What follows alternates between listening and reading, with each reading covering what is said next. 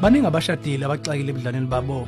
Okugcina kubiza ukuthi ukuqhelelana noma isehlukaniso sibe isiphetho ukuqeda imjuju la uhlelene zomndeni sizokhuluma ngesihloko esinzima sokuthi kubhekana kanjani nokuqhelana emshadweni. Lesihloko simahlandla amabili sicela uhlala ungasuki nakulandelayo lolu hlelo.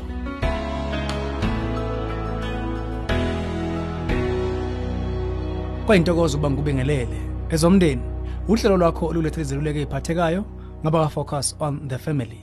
Sithola umbuzo kocela usizo ongomnye wabaleli bethu othe ningangihola ekutheni ngintweza kanjani emicabangeni okuqhelana emshadweni?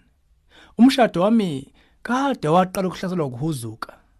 Okugcina ngokuba sifike esiphethweni sokuthi simelwe ukuqhelana kwesikhashana okuyinto ebuhlungu leyo. Ngeqiniso angazi ngempela noma lo mshado wethu uzosinda. Kodwa ngenxa yengane zethu nokuphumula kwengqondo simele ukungena kulesi sinqumo. Sitshele bani? Sobabili singaxhumana ndlelani ngesikhathi sisahlukene. Ezeyimali nokunye sibhekana kanjani nakho? Yiziphi ezinye izimo esidinga ukuyicabanga phambi kokuba singene kwingxenye zokuthi nizophithana kanjani ngesikhathi niqhelelene sithanda ukukuncenga kuqala ngokuthi yini le ongena kuyo phambi kokuba uhlabele phambili. Bamba umoya kancane bese ucabangisisa izathu ezikubekile isinyathelo. Kubukeka uyinikile isikhathi khona waze wafika kwisiphetho sokuqhelelana osithathayo.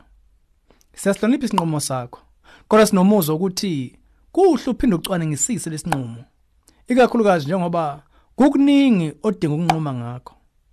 Sicela ungene ku safamily.co.za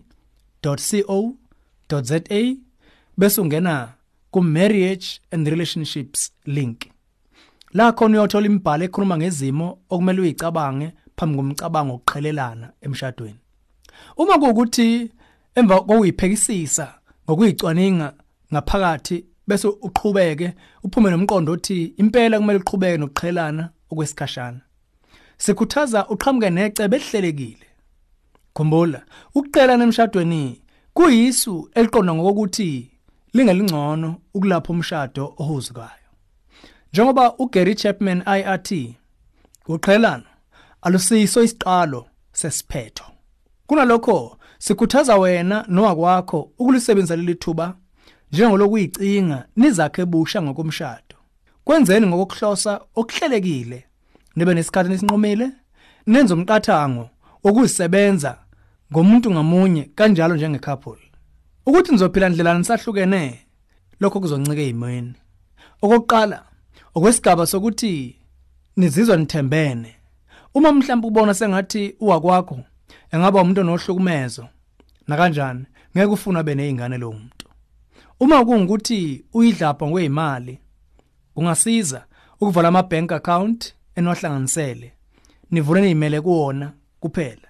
Bese wenza konke ongakwenza ukuveleza emnotho zakho uqinisekise idingo zeingane zanakekeleka kwizimo zobili usengafuna uqhelano losemthethweni kunalo lenzenzela nina ngokuvumelana.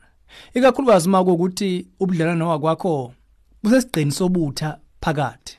Ummeli angasiza ngesinqumo esingconoke kulezo zimo. Enye ingxenye edinga ukubuka kahle iminyaka yezingane zakho. Kuzomela ubahlomise ngesimo kodwa umumatho lemniningwane luzoncika ekuvutheni kwengqondo yabo. Kumele futhi babe nesithombe sesikhathi enizoba sekuqheleleni ngaso nokuthi yini abangayilindela nsuku zonke. Abasuke sebengena kubu teenager bayakwazi ukuqonda ukuthi umama nobaba baneyinkinga basadinga ukuyilungisa futhi badinga isikhathi. Xoxa nabo ngokukhathazile kodwa ube nendlebe yokungeqisi futhi uhlukanise isikali sokuzwa kwabo ngokweminyaka yabo. Umqondo wokugcina kwanamhlanje ukuthi ungamenzi mobuwa kwakho ungasidali futhi isimo lakho nezingane siphoqeleke ukuvuna isayidi phakathi kwenu. Yilapho ke sophetha khona ngokohlelo namhlanje. Senokunye okuningi ukudlaleka kulesi sihloko sokuqhelana emshadweni. Lalela lolu hlelo olulandelayo.